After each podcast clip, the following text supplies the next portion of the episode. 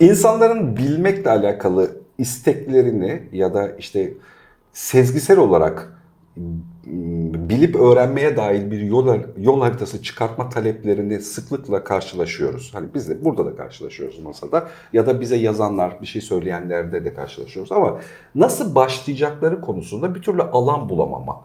Yani onun onun kültürünü, üslubunu oturtamama ile alakalı bir problem oluyor. Bu o kadar çok sık geldi ki soru olarak bunun üzerine düşünmek zorunda kaldım ve bulduğum iki kelime merakla hayret iki kelimesi gerçekten. Bu merakı düzenleme ve karşılaştığım birçok şeye hayret etme, zihninde olma. Yani aslında bilmeye ait bir üslup oluşturma, bir zemin bulma haliymiş gibi geliyor. Biraz bugün hadi şu merak kelimesi ve hayret kelimesinin üzerinden konuşalım. Yani çok kan çıkar ama buradan ben sana söyleyeyim. Ya evet kan çıkar ve yani bence işimizi de çok kolaylaştıracak. Bundan sonraki birçok şeyi söyleme açısından. Yani neyi merak etmeliyiz, niye merak etmeliyiz de hayret zihinsel olarak hayret e, seviyemizi çok daha hassaslaştırmalı, alta inmeliyizle başlıyor bir şey öğrenme, bir şeyi anlama hali. Yani merak etmekten vazgeçtiğinde ben zaten biliyorum zannına düştüğünde bunu dünyanın böyle yaşadığı zamanlar var. Çok hikaye olarak güzel geliyor. Yani Aristo zamanında bir sürü şeyi nasıl çözeceğini söylemiş. Yüzyıllarca insanlar bir şey merak etmemiş. Ya her şey işte İncil'de yazıyor demiş o dönemde ya da işte dini inanıştaki herhangi bir kitapta her şey yazıyor. Merak edecek bir şey yok ki dünyada demiş. Ta ki Rönesans'a kadar. Yani Rönesans'ta tekrar bilmiyorum demeyi becerdiğinde öğrenebildiğim bir şey, bir zincir oluşuyor bir şeyde. O yüzden o merakın, bir meraka sahip olmanın, merak edecek bir zihinde durmanın zeminini azıcık konuşalım. Bir de hayret etmeni, yani karşılaştığın hayatındaki birçok şeyin aslında ne kadar büyük şaşılacak içerik barındırdığını. Yani biz her şeyi o hele de dijitalle beraber son 20 yılda gerçekten her şeyden yüz binlerce var. Hep zaten prototipler. Hep böyle bakmayı istifleyerek, sınıflandırarak, bir araya getirerek bakmaya dil alışkanlığı ediniyoruz. O insanların bireysel özelliklerini, hayret edilecek güzelliklerini o kadar çok kaçırıyoruz ki. Bundan işte o 16 yaşında ergen çocuk biliyoruz işte. Onlar hep böyle yapar. İşte ne bileyim 40 yaşındaki adam onlar hep böyle yaparlar. O şablonlarla hayatımızı kolaylaştırmaya çalışıyoruz. Bu çoklukla karşılaşmayla baş etmeye çalıştığımızı zannettiğimiz yöntem. Halbuki bu bizi gerçekten işte o yüz binlerce insandan bir tanesine dönüştürüyor. Ne kadar hayret edersek hayret etmeyi becerdiğimiz şey kadar biz de özelleşiyoruz. Zihnimiz de özelleşiyor. Bunun üzerine azıcık sohbet edip merak ve hayretle ilgili senin zihninde neler? Sen hayreti oh. çok önemsediğini biliyorum. Evet ama şimdi merakla ilgili size katılmıyorum Mustafa Bey. Şöyle ki. Hadi bakayım. E, Hadi bir bakayım tezat yarattık. Dikkat ederseniz şu anda reyting artmaya başlamış olmalı. Size diyorlar ki niye hiç kavga etmiyorsunuz? Mustafa Bey lütfen. Şimdi merak... Merak konusunda yanlış düşünüyorsun hocam. Daha düşünmedim. Şu anda düşünmüyorum. Konuşarak düşüneceğim. Şimdi biraz dedin ya hani aydınlanma sonrası işte insan merak ediyor. Okey hepsi güzel. Gerçekten öyle olmuş gibi gözüküyor.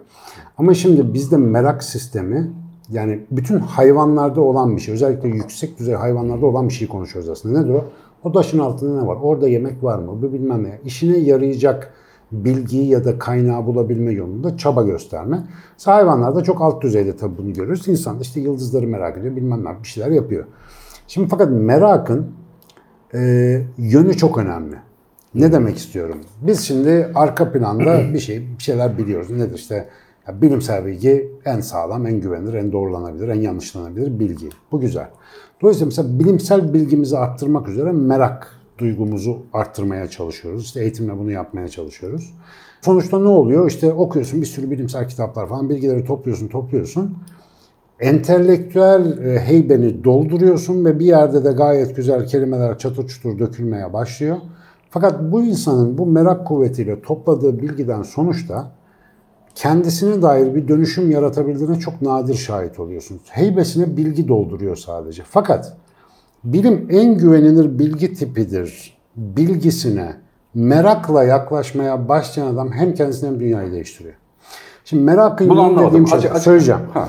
Merakın yönü dışarı doğru olduğu zaman dogmatik bir altyapıya da yaslanıyorsa, mesela benim dinim en doğrusudur, benim inancım en doğrusudur, benim işte bilimim en doğrusudur, benim bilme yöntemim en tarafsız, objektif olandır gibi bir yere yasladın ya sen hmm. zihnini. Ondan sonra oradan baktığın her şey sana o dogmatik zemin gözlüğüyle gözüküyor ve senin bu altyapıdaki bilgine ya da görgüne ya da dogmatik kabulüne herhangi bir katkı ya da değişim sunmuyor. Ama merakı içeri yönlendirdiğin zaman hep deriz ya nereden biliyorum diye sorduğun zaman. Şimdi Atatürk'ün meşhur sözü işte hayatta en hakiki mürşit ilimdir, fendir. Bunu hayatta en hakiki mürşit, hakikin ne olduğunu bilmiyoruz, mürşitin ne olduğunu bilmiyoruz, ilim bilmiyoruz, feni bilmiyoruz ya bugün hiçbiri kullanmıyor bunları. Çeviriyoruz. Hayattaki en gelişmiş yol gösterici bilimdir diyoruz buna. Halbuki bu lafın tercümesi bu değil. Şimdi en hakiki, hakikiler arasında hakiki yani gerçek olan, işe yarayan, mürşit, irşat eden yani insanı reşit hale getiren, geliştiren, ilim çok tartışmalı. Atatürk'ün o anlamda söyleyip söylemediğini de bilmiyoruz ama bütün bilgi tiplerini kapsayan yani işin içine kadim bilgiyi de koyabildiğim bir anlama bürünmüş tarihsel olarak.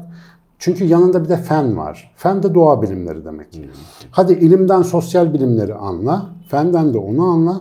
Şimdi bu mottoyu aldın koydun. Eğer bu mottoyu tutup da sen bilim bizim her şeyimizi yarın bir gün açıklayacak başka bir ihtiyacımız yok kafasına girersen eğer dönüp de abi bu bilimsel bilgi nedir diye sormuyorsun. Sormayınca bilim bağnazı oluyorsun. Aynı yerde neden başladın? Şundan ben bir şey duydum. Bu Allah'ın kelamıymış. Tamam bunu koydum. Buna dokunamam. Hadi bunun üzerine gideyim dedin. Kendi dinini yaratıp ona tapmaya başladın. Bu arada dikkat et. Kendi dinine tapmaya başladın. Aynı bugün scientism denen, bilimcilik denen dine tapmanın olduğu gibi. Orası dokunulmaz bir dogmatik kale oluyor. Sen onun üzerine bir sürü bilgi biriktiriyorsun. Şimdi aydınlanma sonrası insanlığın meraktan yaşadığı en büyük problem bugün gözüküyor.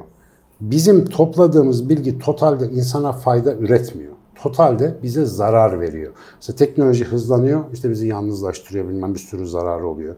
İşte bir sürü üretim yapıyoruz ama çevreyi kirletiyoruz. Atığımız fazla, dünya yaşanmaz hale geliyor. Çünkü biz merakı hep dışarı doğru kullanıyoruz. Yani dışarıda bir şey, dogmatik bir mindere oturmuşuz. Bu arada altıma minder koydular, o yüzden minder geldi aklıma. Dogmatik bir mindere oturmuşuz, onu hiç kurcalamıyoruz. Merak içeri döndüğü zaman ise bir insan ben bilimin en güvenilir araç olduğunu nereden biliyorum? Ya bu inancımın doğru olduğunu, doğru kaynaklara dayandığını nereden biliyorum diye sormaya başladığında merak içe yöneliyor. Ve işte o zaman gelişim başlıyor. O zaman bir dakika lan bilim ne demek? Kelimenin etimolojisi nereden geliyor? Bilgi kaynağı nedir? İşte insanın algıları, duyuları bilmem ne. İşte bizim gerçek ne kadar gerçek hikayesinde üzerine konuşacağımız şeyler. Bu dünya gerçek mi diye o haydi bakalım derken seni bambaşka bir boyuta taşıyan bir şey oluyor. Dolayısıyla gerçek geliştirici merak, öncelikle katılmadığım nokta burasıydı. Dışa doğru olan değil, içe doğru olan meraktır. Önce ben bunu ayırmak istiyorum. Benim böyle bir iddiam var. Kendine doğru, kendi zihnini inşa yönde bir merakı çevirebilirsen bu her şeyi değiştirir. Ve Bunu yıllar boyunca de yani hani yani bireysel olarak sormaya başlayacağın sorular örneğiyle de söylesene bir şey. Mesela Mesela ben şimdi şeyi merak ediyorum. İşte bir sinir bilimciyim. İşte beynim şunu nasıl yapıyor? X durumda nasıl tepki veriyor? Beynin hangi alanları bu dışa çalışıyor? dönük bir merak mı içe Bu dönük? dışa dönük bir merak. Niye? Çünkü ben diyorum ki bu soruyu sorduğumda bazı araçlarım var. Bu araçların bilimsel araçlar, bilimsel araçlar şundan dolayı güvenilirdir. Çünkü bilim temelde en güvenilir. Çünkü doğrulanabilir, yanlışlanabilir falan özellikleri içeren bir bilgi tipidir. Kabulüne yaslanıyorum ve başlıyorum bilimle bakmaya. Bilimin mekanistik, indirgemeci, hani sıralı neden sonuç zincirine dayanan, muhakkak dışlama yapması gereken yani belli faktörleri dışarıda bırakıp modeller cinsinden bakmamı gerektiren tabiatını hiç sorgulamıyorum. Sadece mesela bir beyni alıyorum, bir deneysel modeli koyuyorum. Oradaki değişime bakıyorum. Diyorum ki löbedek bu böyledir. Gerçekten bilgi üretiyorum bu İçe arada. dönük merakla ilgili de bir İçe dönük merakla döndüğüm zaman bu kullandığım yöntem acaba bana gerçekten ne gösteriyor? Bu yöntemin dayandığı bilimsel altyapı nereden geliyor kafa olarak? Bu bilginin tabiatı nedir? Ben buna niye bu kadar güveniyorum da öbür bilgiye güvenmiyorum? İçe dönük merakta aslında felsefeyi kastediyoruz. Tam olabilir olarak. mi? Yani hani kendi içimizdeki önceliği yani nasıl düşündüğümüzü düşünme hali. İşte anahtar soru bence nereden biliyorum sorusu. Bir şeyi nereden biliyorum diye sorma ihtiyacı hiç hissetmiyorsan dayandığın dogmatik duvarları görmüyorsun demektir. Bir kere hepimizin zihninde şöyle bir şey var. Kimse havalara girmesin, başta ben olmak üzere. Hepimizin zihni dogmatik kabullerden yola çıkmak zorundadır. Yani biz evrene dair bir takım böyle verili hakikatlerle başlamıyoruz. Göreceli bir zihnimiz var. Dünyaya geliyoruz. Ana babadan ne gördüyse kafamızda bir şey oluşuyor ve onunla bir başlangıç noktası oluşturuyoruz. Ama devamlı içe dönük olarak kendimizi sorgulamaya başladığımız anda dış dünyadan aldığımız verilerle bunu destekleyip daha da cesur hale geldikçe işte o zaman reşit olma süreci başlıyor. İrşad olma dediğimiz şey o. Mürşit zaten insana kendini sorgulatan demektir bizim kadim kültürde. Sana bir şey öğreten değil. Sana kendinle ilgili dönüşümün yollarını gösterebilen kişidir. Mesela mürşit bir ağaç olur, mürşit bir insan olur, mürşit bir manzara olur, mürşit bazen bir satır bir yazı olur. Senin o anki durumuna göre karşına çıkan şey neyse eğer o sana kendi öz Sen değerlerini hazırsan. Hazır. Ha, o çok önemli. İşte sen buna hazırsan nereden biliyorum sorusuyla beraber çünkü bunu Temel kültür ne işte burada? Merakı içe döndürmeyi erken öğreteceksin. e, bunu gerçekten çok kullanılabilir bir kılavuza dönüştürmek istiyorum. Çünkü bu bana gerçekten sık geliyor. Yani bir talebi var, hissetmiş. Yani sistemde Matrix'te olduğunu anlamış. Böyle tarif edeyim. Ya da bundan Yani şüpheleniyor. Şüpheleniyor, kaygılanıyor, çıkış arıyor konuyla alakalı ama çıkış için o üslubunu, tavrını değiştirecek hayatta böyle büyük isyanlara gerek yok. Üslubunu, tavrını değiştirerek çıkış için bir yöntem oluşturmaya çalışıyorum. Çünkü çok sıkça soruluyor ve bence yani bunun üzerine düşünmek de eğlenceli. O yüzden biraz böyle didikliyorum konunun kendisini. Merakla alakalı içe dönük merak, dışa dönük merak diye ayırdın birbirinden. Hani daha altını da yani mesela ortalama bir insanın ilk sormaya başlayacağı soruyla beraber bunlardan bir tanesi şey olabilir. Nereden biliyorum olabilir. Güzel bir soru yani. Ben bu ben bu bilgiyi nereden biliyorum? Yani hani işte e, elden ele makas verilmez. Ben bu bilgiyi nereden biliyorum? Yani şeyde hani bu- buradan. Ya bazımız gerçekten Yani veremiyor. elden Yahudiler ele. kötüdür. Ben bunu nereden biliyorum? Yani hani bu konuya yola çıkıp da böyle baktığında gerçekten çok da tuhaf. Aslında hiç tutarlı bir yerden bilmediği. Bu arada yani. Yahudiler kötüdür ve ben bunu nereden biliyorum dedin. Şu anda ban yiyeceğiz yemin ederim. Öyle diyenler var yani. Varmış. Ya, hayır ya böyle dediğinde bunun ne kadar saçma bir bilgi olduğunu Aynen. fark ediyorsun. Ha, o yüzden söyledim aynen. yani hani Çünkü çünkü orayı alırlar yemin ederim. Keserler. Mustafa Hocam Yahudiler kötü ama ben bunu nereden biliyorum? Gördüm çünkü bizzat falan. Hayır hayır oğlum yani, yani ya, ya dinle alakalı konuş ya da bilimle alakalı konuş. Ben bunu nereden biliyorum dediğinde tuhaf bir yere bağlandığını fark ediyorsun. Senin bunu bildiğin yer açısından. Bunu didiklemek işi kolaylaştırır. Böyle başka ne soru var mesela? Benim iki tane var işte dediğim gibi. Yani bir soru bir cümle var. Hep söylüyorum. Nereden biliyorum ve bilmiyorum. Şimdi ama bunu nereden biliyorum sorusunu bir yerden sonra içeri doğru gittikçe derinlikli basamaklarda sormaya başladığın zaman aynen bu arındırıcı ketojenik beslenmede vücudun başına gelen şey zihnin başına geliyor. Şimdi ketojenik beslenme insanlara niye tavsiye ediyoruz biz? İşte bu karbonhidrat bağımlılığından falan kurtulsun, vücut bir reset atsın diye. Fakat şimdi bugün mesela insanlar karbonhidratı bırakıp birkaç gün boyunca böyle işte e, yağ ve protein ağırlıklı beslenmeye başlarlarsa iki şey oluyor vücutlarında. Bir, aşırı aşerme. Mesela bir besini aşırı yani onu böyle yemek için cinayet işleyecek duruma gelme. İki, rahatsızlıklar başlıyor. Karın ağrıları, sırt halsizlikler onlar bunlar. Şimdi bu niye? Vücut daha doğrusu aslında vücudun içindeki mikroorganizmalar bağımlı oldukları şeyi istiyor. Bunu bana ver, onu bana ver gibi.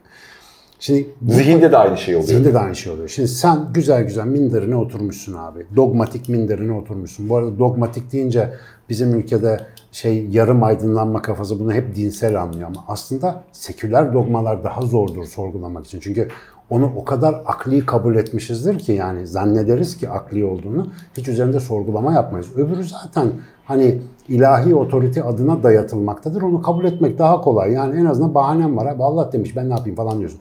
Öbürü yani gerçekten çok hissedilmeyecek bir şekilde üstüne oturuyorsun. Bunu bir kere altındaki minderi delip içindeki yünleri çıkarttığını düşün. Ki bat, batmaya başlar zemin. Ne oluyor lan dersin ya duracağın yeri bilemezsin. Kalkayım mı oturayım mı bir şaşalama oluşur. İçeri dönük olarak yapmaya başladığımız bu sorgulama rahatsızlık vermeye başladığı anda çoğu insan burayı bırakır. Yeni Ama- dünyanın ama cesur dur, şunu insanı için bitireyim. en büyük cesaret malzemelerinden Bu biri aynı ama- zamanda desin. Ama bu ama o rahatsızlık başladı ya.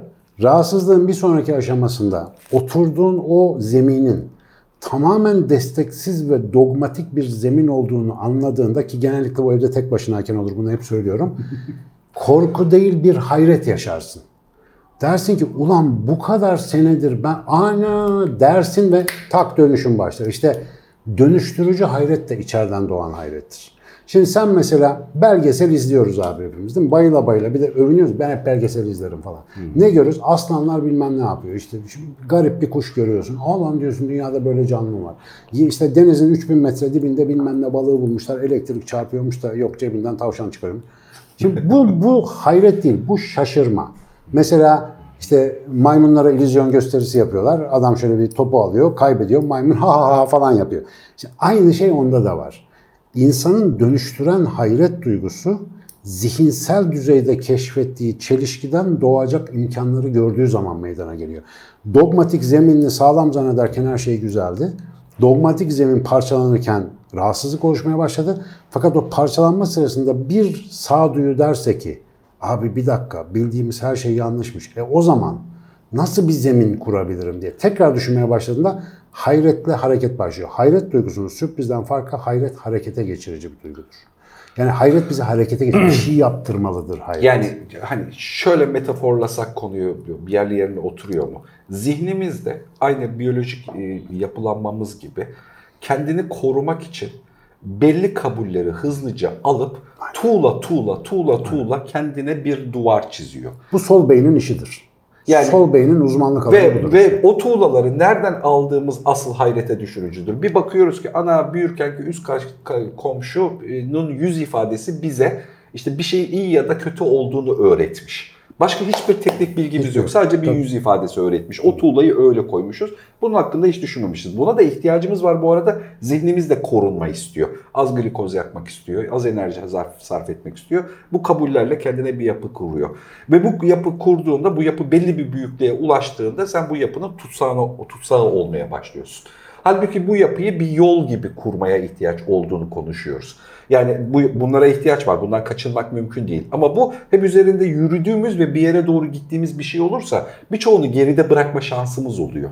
Hani o kurduklarımızı. Bir metaforla e, yani daha zihnimizde Uygun. Yani söylediğim şeyin çok böyle seyyal olduğunun farkındayım. Bunu ancak deneyimlemiş olan insan anlayacak ve e, aslında hiç deneyimlememiş olana, hiç kahve içmeyen birine kahvenin tadını anlatmak gibi bir şey yapmaya çalıştığımın farkındayım. Ona bu muhabbet tat da vermeyebilir ama Ama yok. Kahve hani bu sohbetin ana kaynağı gerçekten kahve içmeyi niyetli olan adamlarla ilgili tam zaten. öyle. Kahve diye bir şey duymuşluğu var.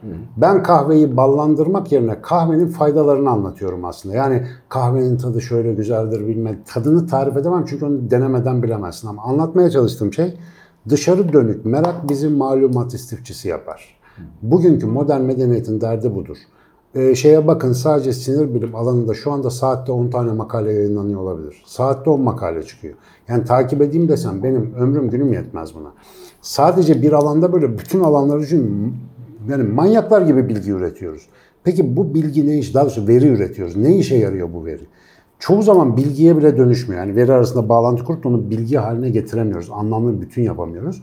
Bu merakımızın hep dışarı dönük olmasından. Yani mesela işte bilim niye veri üretir diye sorduğumda yapabiliyordur da onun için. Francis Bacon'dan beri böyledir.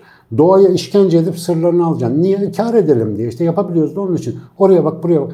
Ya bir dakika da kardeşim benim bu yaptığım şey ekoya ne etki ediyor? Yani bütün ekosisteme ne yapıyor? Bunun içindeki rolüme uygun bir şey mi yapıyorum?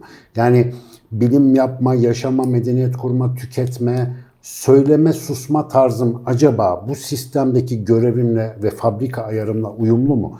Bu soruyu sormadığımız zaman veri bir süre sonra bizim üzerimizde bir ölü toprağına dönüşüyor. Kendi teknolojimize bağımlı yaşamaktan başka şansımız kalmıyor. O teknoloji çerçevesinde düşünmek, o teknoloji çerçevesinde beğenmek, o teknoloji çerçevesinde kelam etmek zorunda kalıyoruz. Onun dışına çıkamıyoruz, bizi kuşatıyor. Halbuki bazı insanlar çekiliyorlar ve kendi üzerlerine düşünmeye başlıyorlar. Ben bunu abi hani parça parça toplasan net 5 sene yapmışımdır. Yani uzlet zamanlarım vardı benim.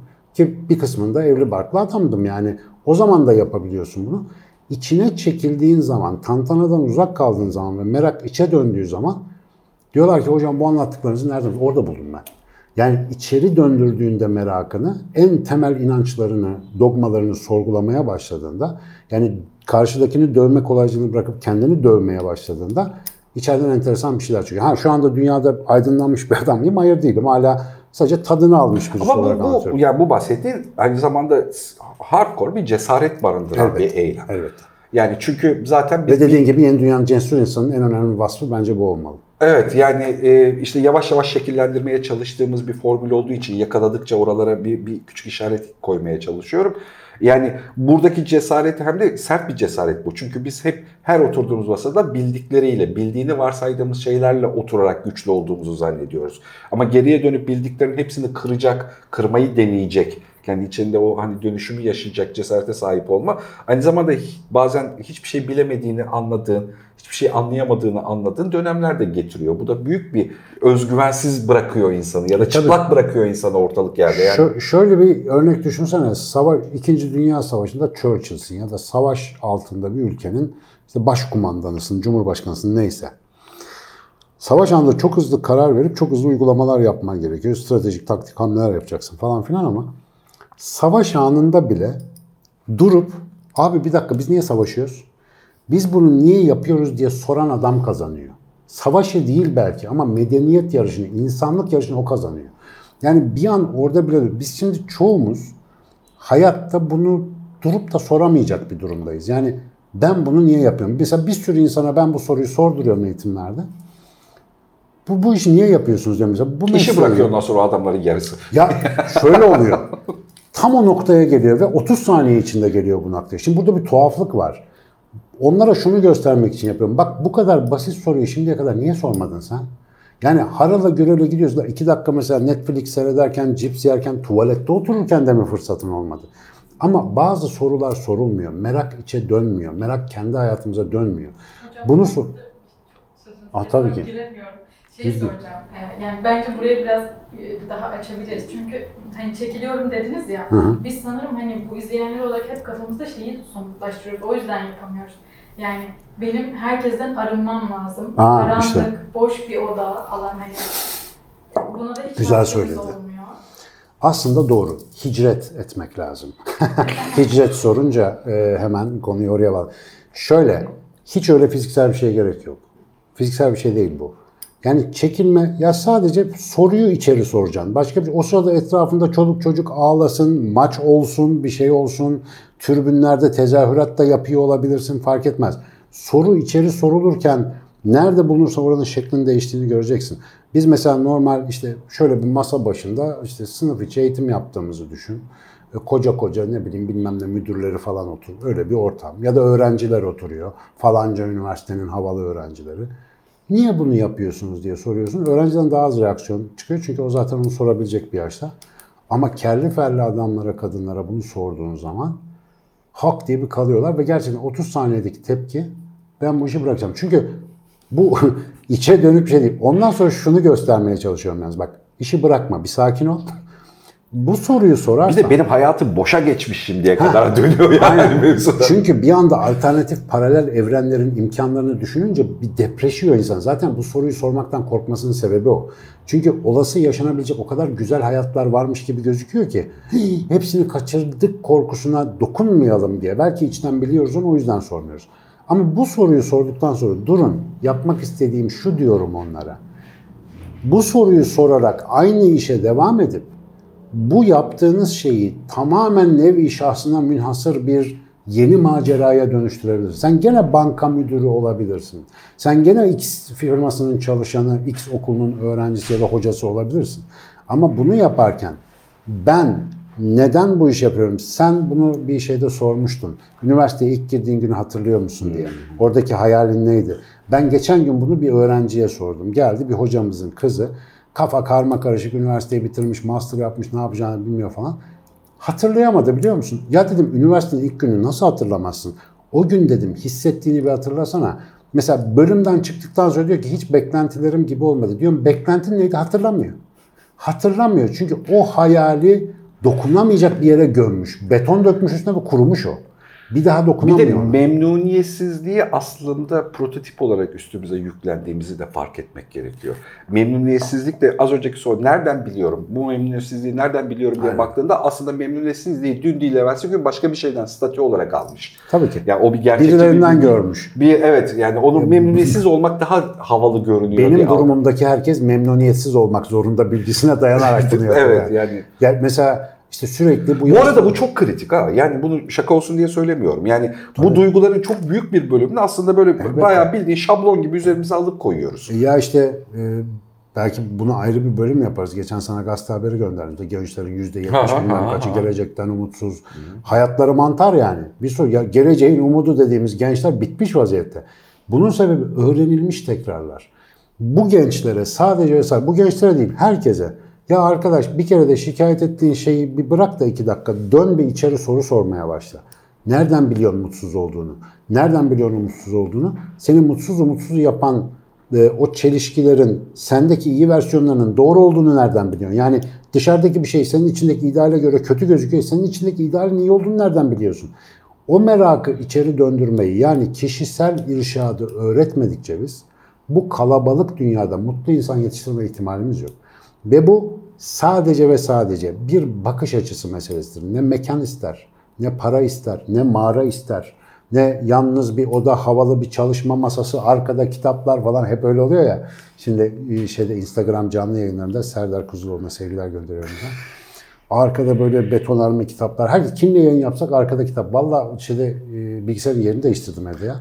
Benim de önceden vardı kitaplar. Baktım irite oldum yani. Ben diyorsun arkada bu kadar malzeme var koçum boş konuşmuyoruz falan. Öyle değil o konu. Yani sadece basit bir soruyla başlıyor her şey. Geçen sevgili dost şeyi anlattı. Dost Can Deniz işte birlikte eğitim yaptığımızda e, Siddhartha'nın hikayesini hatırlattı tekrar orada. İşte kralın oğlu. E, efendim bir şekilde kahin geliyor diyor ki senin oğlan diyor işte şey olacak. Ne, kötü bir kehanette bulunuyor işte. Onun detayını hatırlamıyorum. Ya diyor ha büyük bir kral olacak ya büyük bir düşünür olacak diyor. E, şimdi adam diyor ki tabii baba mesleğine devam etsin, kral olsun, niye düşünür oluyor lan falan diye. İşte bizim peder de biraz öyle yapmıştı. Ondan sonra diyor ki bu çocuk niye düşünür olur? Kendi kendine düşünüyor. Hayattaki problemlerle karşılaşırsa dertlenir. O zaman ben buna süper problemsiz bir alan yapayım. Bu böyle cillop gibi büyüsün. Hakikaten 25 yaşına kadar herif hiç ne ölüm ne yaşlık hiçbir şey görmüyor böyle şaşalar içinde. Sonra bir gün yardımcıya dışarı çıkıyor. Yardım sonra sırayla yaşlılığı, hastalığı, ölümü maalesef ağzından kaçırıyor. Bu bunu öğreniyor. En sonunda gidip bir ağacın altına oturunca işte bizim Buda dediğimiz arkadaşa dönüşüyor mesela. Yani dünyadaki Bu da olumsuzluklara... arkadaş. Evet. Bu da o. Evet. İğrenç tamam yapmam. Bunu da yaptın ya bu da helal olsun sana. Bu kadar basit bir gözlemsel farklılık bize aslında işte o dört tane prensip çıkarmış orada. Yani mutluluğun anahtarı dediğimiz Budist felsefenin temelini oluşturan şey. Böyle bir gözlemden çıkıyor diye bir hikaye var. Şimdi bu hikayenin aslı değil faslı önemli. Siddhartha diye bir insan yaşamamış olabilir ama acısız bir dünya özlemini içimizde bir yerde taşıyan insanlar olarak ki hepimize böyle bir şey enjekte edilmiş. Hepimiz acıdan kaçmak, hiper mutlu olmak istiyoruz. Ya bir dönüp buna bakalım. Böyle bir dünya var mı arkadaş? Öleceğiz lan. Hepimiz öleceğiz. Yani Hepimiz öleceğiz diye sahneden söyledim. Millet böyle baktı. Ben de öleceğim ya. Aa, ulan ben bile öleceğim. Sen hayli hayli öleceksin tabii ki de. bunu bilen tek canlıyız. Acı var, hastalık var, Alzheimer var, kanser var. Bazen Düşüp kafanı kaldırıma vurup ölmek var. Yani ne rezillikler var. Bazen Twitter'da şeye rastlıyorum yani işte ya dünyanın da bu dönemine denk geldik yahu pandemi Ha. bilmem ne diye. Ya yeterince uzun yaşayınca dünyanın bunsuz bir dönemi olmadığını bilmek gerekiyor. Evet o tekrarı yeterince yaşayınca. Evet yani bu, bu işte 40 yaşına 30 yaşın üzerinde bence hikaye. 30 yaşın üzerinde yaşadığında dünyadaki o büyük vahim şeylerden bir tanesi senin hayatına da giriyor. Çünkü hep öyle olmuş. Yani o döngülerden bir tanesine giriyor ve yaşıyorsun. Canım ülkem tarihinin en kötü günlerini yaşıyorsun işte ama seni seviyorum yazan adam 19 yaşında ya. Ulan 19 yaşında ne gördün ki tarihin en kötü dönemini biliyorsun. Yani öyle bir gü- özgüvenimiz var ki bu içinde olduğumuz şeyin süper berbat olduğuna dair. Ama bunun temel sebebi şu. Biz bu arkadaşımıza içeri soru sormayı öğretemedik. İçeriği merak etmeyi öğretemedik. İçerideki değişime hayret edebilme cesareti veremedik ve kendini dönüştürebilme. Ha babam koza örüp, kozadan çıkıp, yeni koza örüp, bir daha çıkıp başkalaşımı öğretemedik yani. Bunun e, bir değerinin de şu çokluklar dünyasında karar verme yetisiyle de yani orada bir yeti geliştirme zaruriyetiyle de ilgili olduğunu Tam düşünüyorum. olarak. Hadi bunun peşine onu konuşalım. Konuşalım. Ya şu çocukluklar dünyasında karar verme çünkü hikayesi. senin biraz önce yani esas soru aslında buraya dayanıyor.